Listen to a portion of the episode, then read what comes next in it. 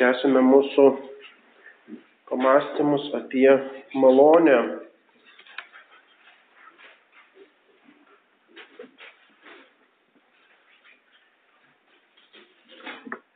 Malonė šaukština prigimti ne kiekybiškai, o kokybiškai.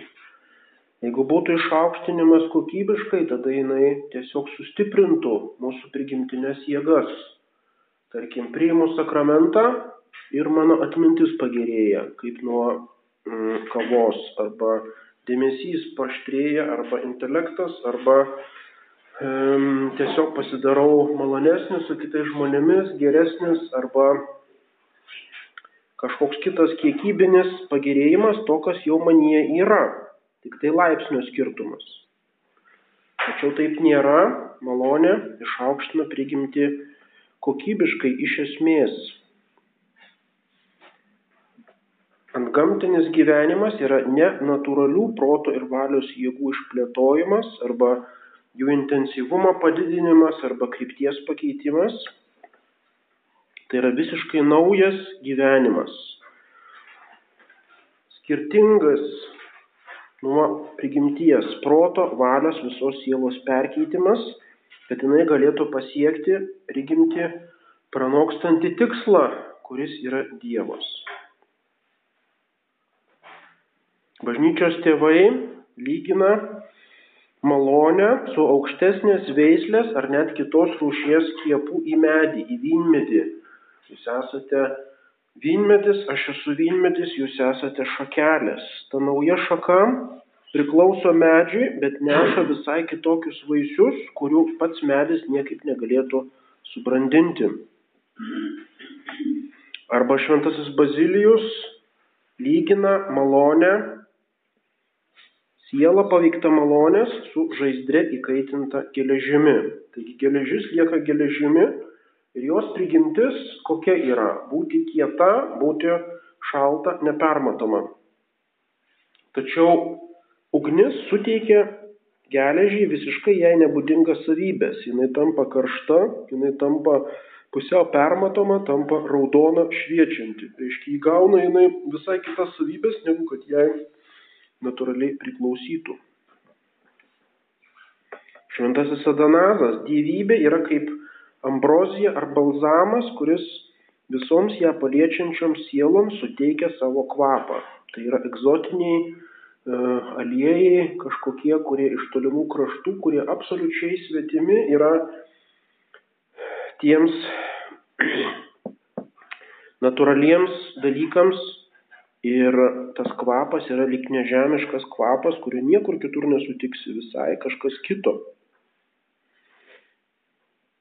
Arba žinomas palyginimas su vandens lašu, kuris ištirpsta vyno taurėje, įgaudamas vyno spalvą, kvapą ir skonį. Tai būtent ir yra simbolika šventosiuose mišiuose. Kunigas įlieja per atnašavimą vandens lašelį į taurę, į vyną. Tas vandens lašelis lyg ištirpsta, tai reiškia mūsų prigimtis, mūsų dalyvavimas toje Jėzaus Kristaus aukoje, jo kraujo konsekracijoje. Taigi antgamtė arba malonė absoliučiai pranoksta natūrą, tiek kiek Dievas pranoksta tvarinį. Tai yra kažkas dieviško, kažkas dėl to švento. Ir todėl ta pašvenčiamoji malonė, kurią gauname per krikštą arba kurią atstatome per atgailos sakramentą, vadinama naujų sutvėrimų arba naujų gyvenimų. Tai nėra naujas gyvenimas kaip naujas etapas mano buvusiame gyvenime, bet tai yra naujos rūšies gyvybė. Reiškia visiškai naujas gyvenimo būdas, esu naujas sutvėrimas. Tai yra visa savaitė simbolika. Reiškia, Dievas sutvėrė pasaulį per šešias dienas, septintą dieną ilsėjosi, tai yra žydų šabas, e, šabo simbolika. Krikščionis, e, norėdami radikaliai atsiskirti nuo judaizmo, e, įvedė tokius simbolinius atsiskyrimo veiksmus. Reiškia, vietoj šabo, kuris yra paskutinė savaitės diena, ėmė švęsti pirmąją savaitės dieną. Sekmadienis yra pirmoji savaitės diena religinėme skaičiavime.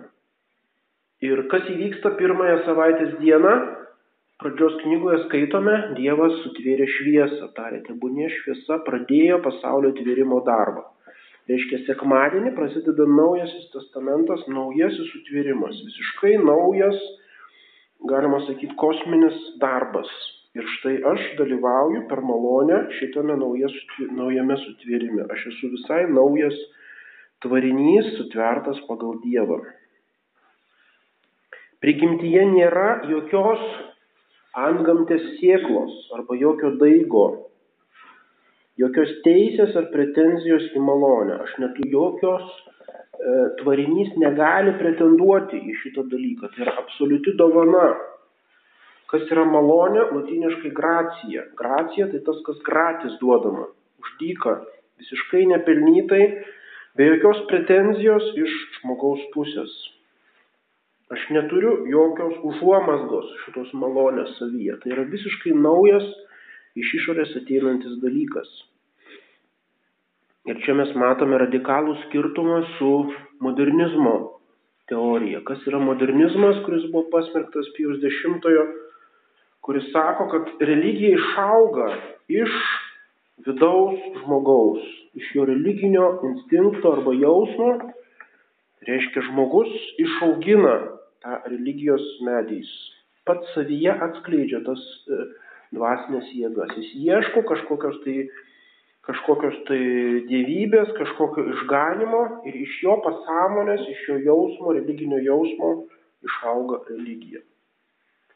Krikščionybės tiesa yra absoliučiai priešinga, kad niekas iš manęs neišauga, tik tai nuodėmė.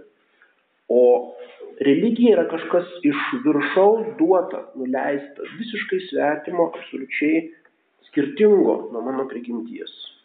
Ir manyje nėra jokios užuomasgos šito dalyko. Ir todėl bažnyčios tėvai sako, kad malonės suteikimas yra didesnis stebuklas nei kūniškos gyvybės, gyvybės prikėlimas ar net pasaulio sutvėrimas. Reiškia tai, kad aš gaunu per krikštą malonę yra didesnis stebuklas negu kad buvo prikeltas lozorius arba e, skaitome šventųjų gyvenimuose, kaip mirusieji būdavo prikeliami.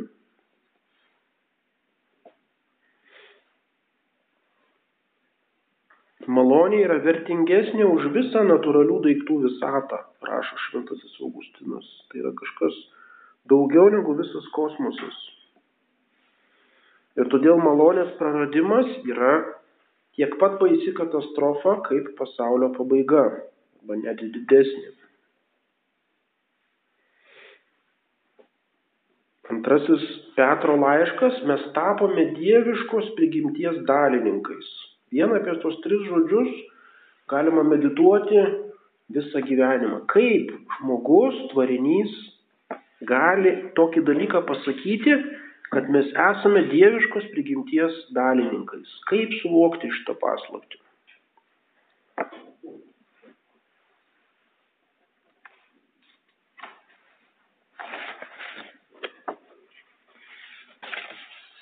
Taigi malonė tam tikrų prasme sudėvina žmogų.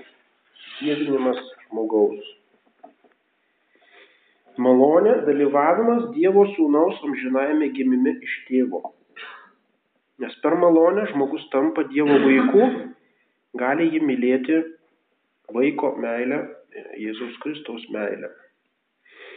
Ir todėl rašo apaštalas Jonas, žmogus ne tik tai vadinamas Dievo vaiku, bet iš tiesų tampa Dievo vaiku. Ne tik tai jam priskiriamas toks titulas kaip garbės medalis arba toks simbolinis pavadinimas, bet jis iš tiesų tampa Dievo vaiku. Vėlgi tai yra neįsivaizduojama. Mes žinome švenčiausiai trejybė - tėvas, sūnus ir šventoji dvasia. Vienintelis tėvo sūnus yra Dievo sūnus. Antrasis švenčiausios trejybės asmo, kuris yra pats Dievas. Jokių kitų vaikų neturi Dievas. Taigi reiškia, mes įtraukiami į Dievo sūnaus dievystę, į jo santyki su Dievu tėvu.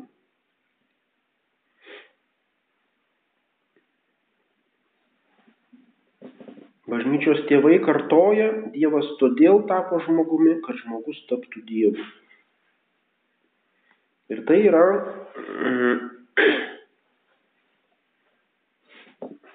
būtent, kas, ką žaltys žadėjo Ievai, kad jeigu paragausite iš šito pažinimo medžio, jūs tapsite kaip dievai, žinosite, kas yra gėris ir blogis, tai reiškia, galėsite skirti savarankiškai, spręsti, kas yra gera, kas yra bloga, tai yra dieviška privilegija. Ir tai buvo apgavystė, nes tai yra bandymas tapti Dievu prieš Dievo valią. Tačiau išganimo tvarkoje būtent tai ir vyksta. Žmogus tampa, ta prasme, dievišku, tampa Dievu, tačiau jau ne savo jėgomis ir prieš Dievo valią, bet pagal Dievo valią. Jis pats jį padaro dievišku.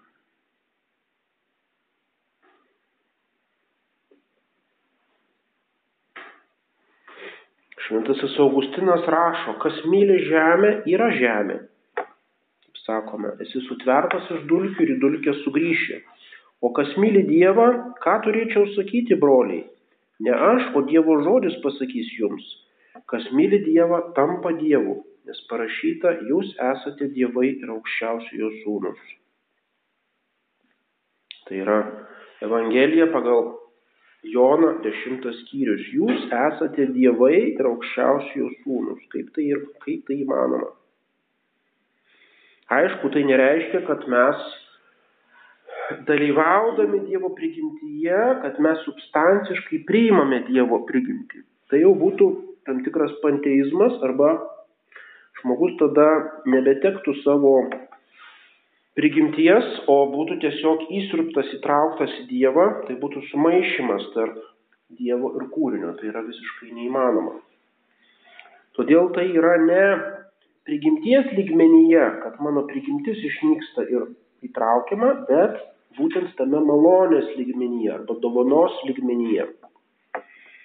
Aš netampu Dievu, ta prasme, kad papildau dievystę arba kad tampu Dievu, kuris lygus Dievui, tada būtų jau nebe vienas Dievas, o du Dievai. Bet aš įgaunu paslaptingų būdų dalyvavimą toje prigimtyje. Tai yra prieš klaidingą misticizmą, kurį bažnyčia pasmerkė. Yra toks vokiečių dvasinis rašytojas, meistras Ekhartas. E, gali iškilti klausimas, skaityti Ekhartą ar neskaityti Ekhartą. Tai yra, negali būti tokio vieno atsakymo, nes pats Ekhartas, jisai neigia tas interpretacijos, kurios buvo parašytos jo, jo pasmirkimo tame dokumente. Jis tikino, kad jis laikosi bažnyčios mokymo ir kad buvo klaidingai interpretuotas. Mm, taigi meistras Ekhartas iš tiesų laikomas e, labai svarbiu dvasiniu mokytoju vakaruose.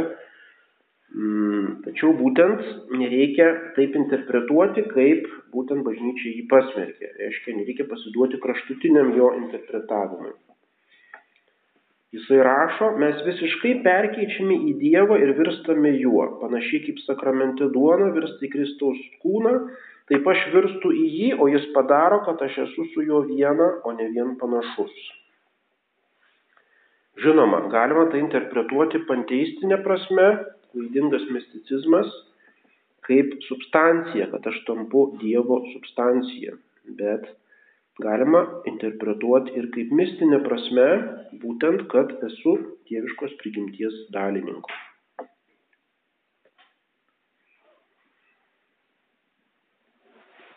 Taigi ta pašvenčiamoji malonė padaro žmonės Dievo vaikais. Taip kaip Jėzus Kristus yra tėvo sūnus savo amžinuoju gimimu, savo priimtimi, taip krikščionis yra tėvo vaikas per įvaikinimą arba adopciją.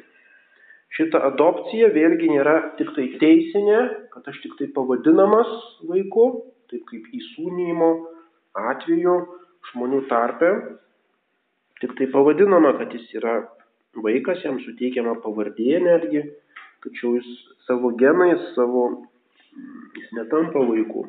O štai dieviška įsūdinimas, įvaikinimas reiškia ne tik tai teisinį titulą, bet reiškia tikrovę. Esu priimamas į švenčiausios trejybės šeimą. Galiu kreiptis į, į Dievą tėvą, abą tėvę, kaip sako Jėzus Kristus. Iš tikrųjų, intimiai tas abą reiškia tėvelį. Galiu betarpiškai kreiptis į tėvą. Galiu pavadinti Dievo sūnų Jėzų Kristų savo broliu. Dievas šventoji dvasia tampa sielos sužadėtiniu. Visa šita simbolika, kuri iš Naujojo testamento, paskui vartojama visų šventųjų rašytojų. Savo prigimtimi žmogus yra Dievo vergas ir tarnas, jis yra nepalyginamai žemesnis už angelus, jis yra vienas iš tvarinių, menkas tvarinys, jeigu pasižiūrėsime pradžios knygoje, Dievas sutvėrė žmogų ir kokią jam paskyrė funkciją mm, saugoti rojų. Dauginkitės, pirmas punktas, o antras - saugokite, dirbkite rojų. Ir viskas. Tai yra kaip sodininkas, reiškia tas rojus, yra žemiškas, žemiška teritorija, augalai, gyvūnai, jis turi rūpintis tą gamtą, jam pavydami gyvūnai, augalai, žemė ir viskas. Ar čia labai jau didelis pašaukimas? Tai yra žmogaus prigimtis. Aišku, jis yra tvarinijos viršūnė savo prigimtimi, nes jis turi protą, jis turi laisvą valią, bet iš esmės tai nėra labai didelis dalykas. Esame menki tvariniai. Turime šlovinti Dievą, turime jo bijoti, jam paklusti. Žinoma, net tada, kai Dievas valdo, kaip karalius, valdovas, jis visą laiką valdo tėviškai. Jis rodo, duoda savo malonės, jis pasigailį, jis rūpinasi savo apvaizdą šito žmogumi, bet vis tiek yra tas santykis taip kaip tarp valdovo, dominus, reiškia karalius, valdovas ir e, pavaldinio.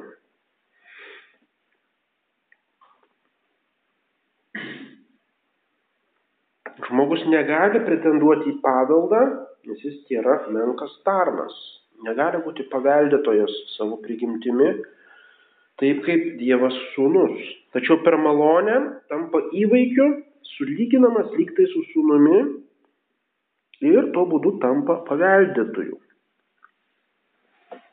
Taigi šventasis Kirilas Aleksandrietis rašo, per malonę turime tai, ką sūnus turi iš prigimties. Taigi sūnaus prigimčiai, kadangi ta prigimtis yra, e, asmo yra dieviškas, kuris turi dieviškąją prigimtį, jam visa tai priklauso teisiniu būdu. Jis yra Dievas, jis turi visą tą šlovę, dangaus karalystę, valdžią. E, Dievas sutvėrė visą pasaulį per sūnų, reiškia, Dievo sūnus yra kaip sutvėrėjas ir taip toliau. Jis visą tai turi iš prigimties. Jam nereikia to įgyti. Tačiau žmogus būtent visą šitą paveldą gauna kaip malonę. Taigi matome visą tą milžinišką kontrastą tarp prigimties ir malonės ir ką mes iš tikrųjų gauname. Mes gauname tokį e, turtą arba tokį lygmenį, kurio mes įsivaizduoti net negalime ir įvertinti negalime. Vadinu jūs draugais, sako Jėzus Kristus. Kas yra draugai? Aristotelis, filosofas graikų daug rašė apie draugystę. Jis sako, draugais gali būti tik tie, kas yra tam tikrų būdų lygus viename ligmenyje. Kitaip nėra draugystės. Tarkim, tėvo ir vaiko santykis, jis yra pavaldumo santykis, hierarchijos santykis. Bet kai vaikas subręsta, kai jis įgauna proto, jis pradeda padėti tėvams, jis noriai su jais bendrauja, tada staiga įvyksta tas lūžis po paauglystės, kad staiga susidraugauja. Reiškia, tėvas su sunum pradeda šnekėtis, atsiranda bendri interesai ir taip toliau. Reiškia, išlieka tas neligumas, tačiau tam tikrą prasme jie yra lygus. Tarkim, kartu eina žvejoti, arba kažkoks atsiranda bendras pokalbis, arba ir tada atsiranda draugystė. Tik tai tada, kai yra tam tikra lygybė. Ir štai Aristotelis sako, kad tarp dievų ir žmonių negali būti tikros draugystės, nes draugystė reikalauja lygybės ir daro lygių. Jeigu, tarkim, karalius su savo kokiu nors pavaldiniu ima palaikyti draugišką santyki, tai jis padaro jį tam tikroje plotmėje savo lygių. Tarkim, atsiranda bendras interesas arba tada šitame lygmenyje, tuose santykiuose jie tampa lygus, reiškia, draugystė daro lygių, o juk dievai negali būti lygus su žmonėmis. Taigi Aristotelis visiškai nesuvokia, kaip tai yra įmanoma ir tą filosofinį būtent lygmenį visiškai pranoko krikščionybė. Jis iš tikrųjų padarė įmanoma draugystę tarp Dievo ir žmogaus. Tam tikrą prasme atsirado lygybės punktas, kur žmogus dėka šitos malonės Dievas jame atpažįsta save. Kas yra malonė, tai yra kaip Dievo ženklas arba Dievo atvaizdas. Dievas mato save toje sieloje, tam tikrų būdų kaip veidrodyje.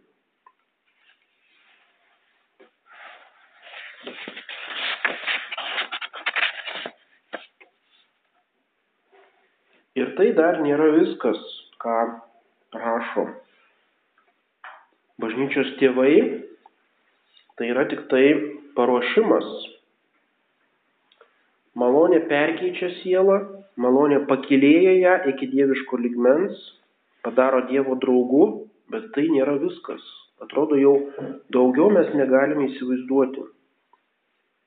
Tačiau malonės užduotis yra paruošti sielą paties Dievo apsigyvenimui joje.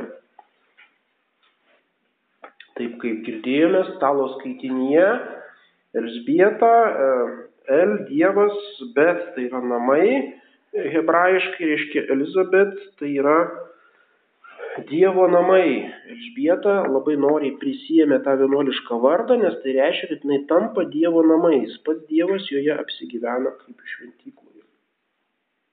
Taigi pats Dievas visą savo esmę nori apsigyventi sieloje, teisėjo sieloje. Tai jau yra visiškai kažkas pranokstančio bet kokį mūsų suvokimą.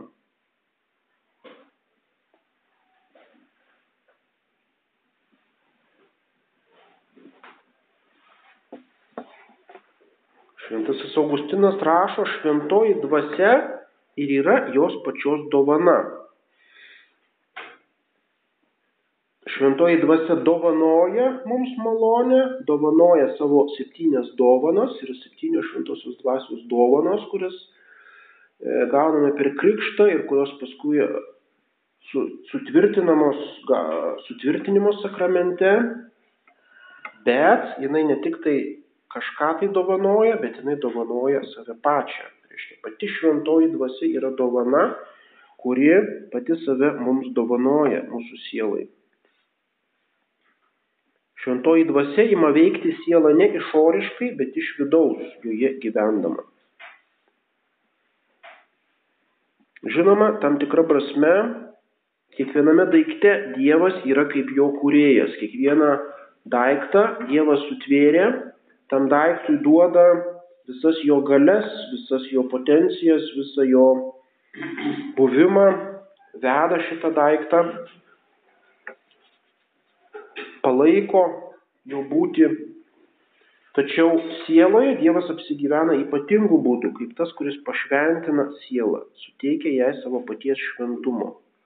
Tas pats žodis šventas, e, mes jo negalime paaiškinti, kas tai yra šventas. Tiesiog šventa yra tai, kas yra dieviška, kas priklauso Dievo sferai ir todėl yra neliečiama, yra atribota nuo visų kitų dalykų, vadinamų profaniškais dalykais. Sakralumas, profan, profaniškumas būtent. Tai, kas atskiria nedieviškus dalykus nuo dieviško. Ir štai Dievas panorėjo kai kuriuos tuos nedieviškus dalykus pašventinti. visos konsekracijos, tarkim, bažnyčios konsekracija arba pašventinimas kažkokių dalykų yra tam tikros dalelės Dievo šventumo jiems suteikimas.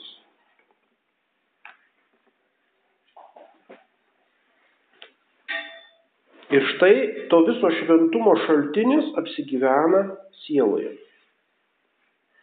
Reiškia, mes ne tik tai pašventinami, tai yra pašvenčiamoji malonė, bet mes gauname patį to šventumo šaltinį.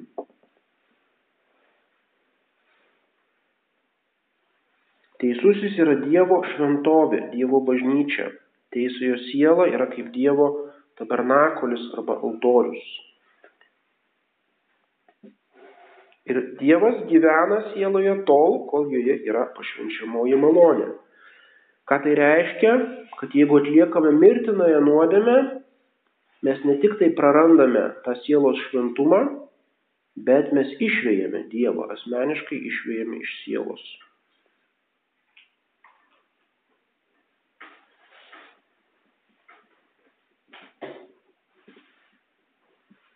Tėve mūsų, kuris esi danguje.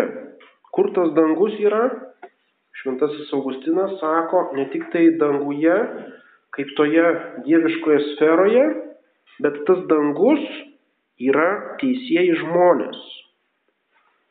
Sielos, kuriuose Dievas gyvena kaip savo rūmose. Tėve mūsų, kuris esi danguje, to dangaus priengis arba jau vienas iš kambarių yra mūsų siela. Reiškia, krikščionis, kuris yra pašvenčiamosios malonės, jis vieną koją jau yra danguje, o dangus vienu savo krašteliu jau yra jame. Yra Dievo karalystė yra jumise. Reiškia, jau prasideda ta Dievo karalystės ta erdvė mano sieloje. Neįtikėtinas, e, neįtikėtina tikrovė, Ir todėl šventasis Bernardas gali sakyti, kad šventoji dvasia yra sielos siela.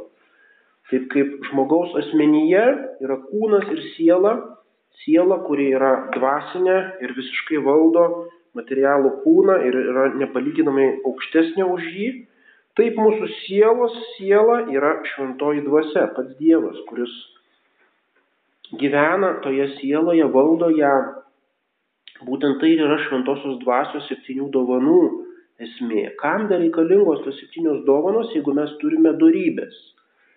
Mes sakėme, kad darybės būtent pašventina atskiras mūsų e, sielos veikimo sritis.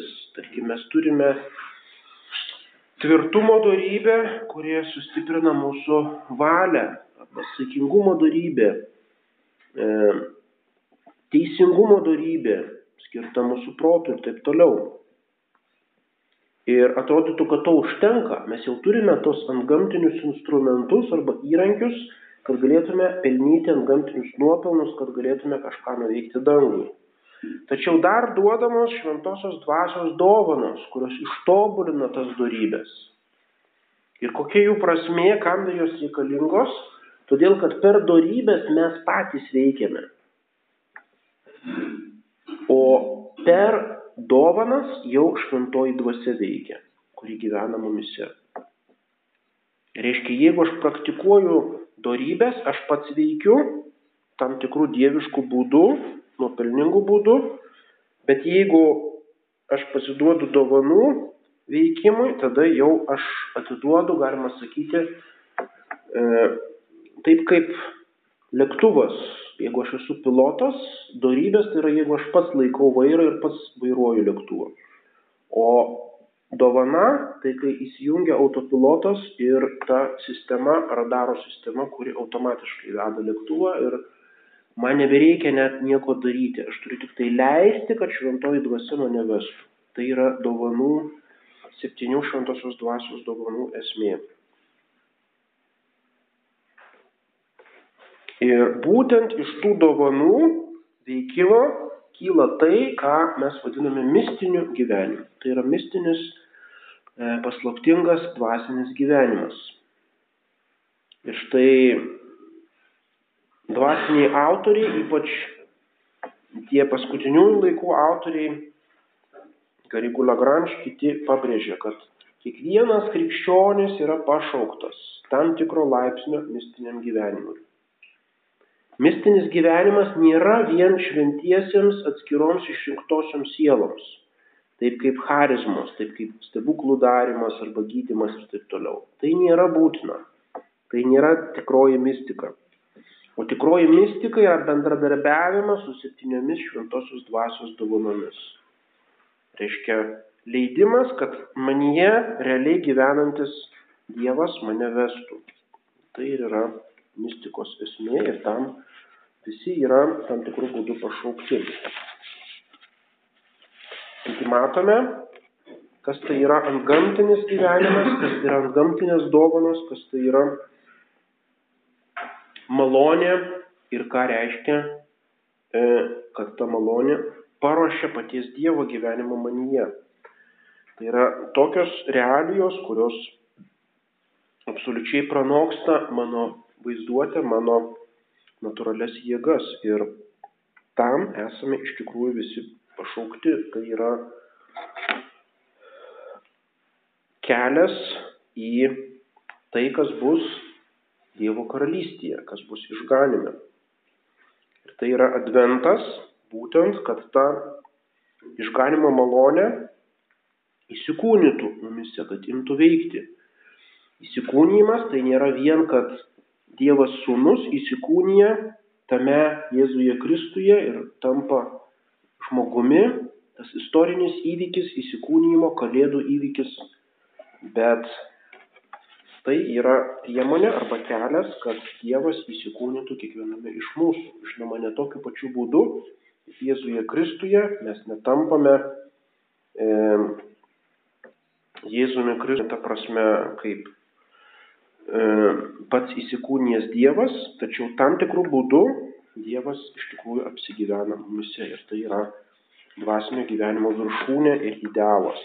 Taigi dabar eisime vakaro maldai, rytoj yra 6.15 arba 6.45 kėlimasis, 7.15 yra ryto maldos mąstymas.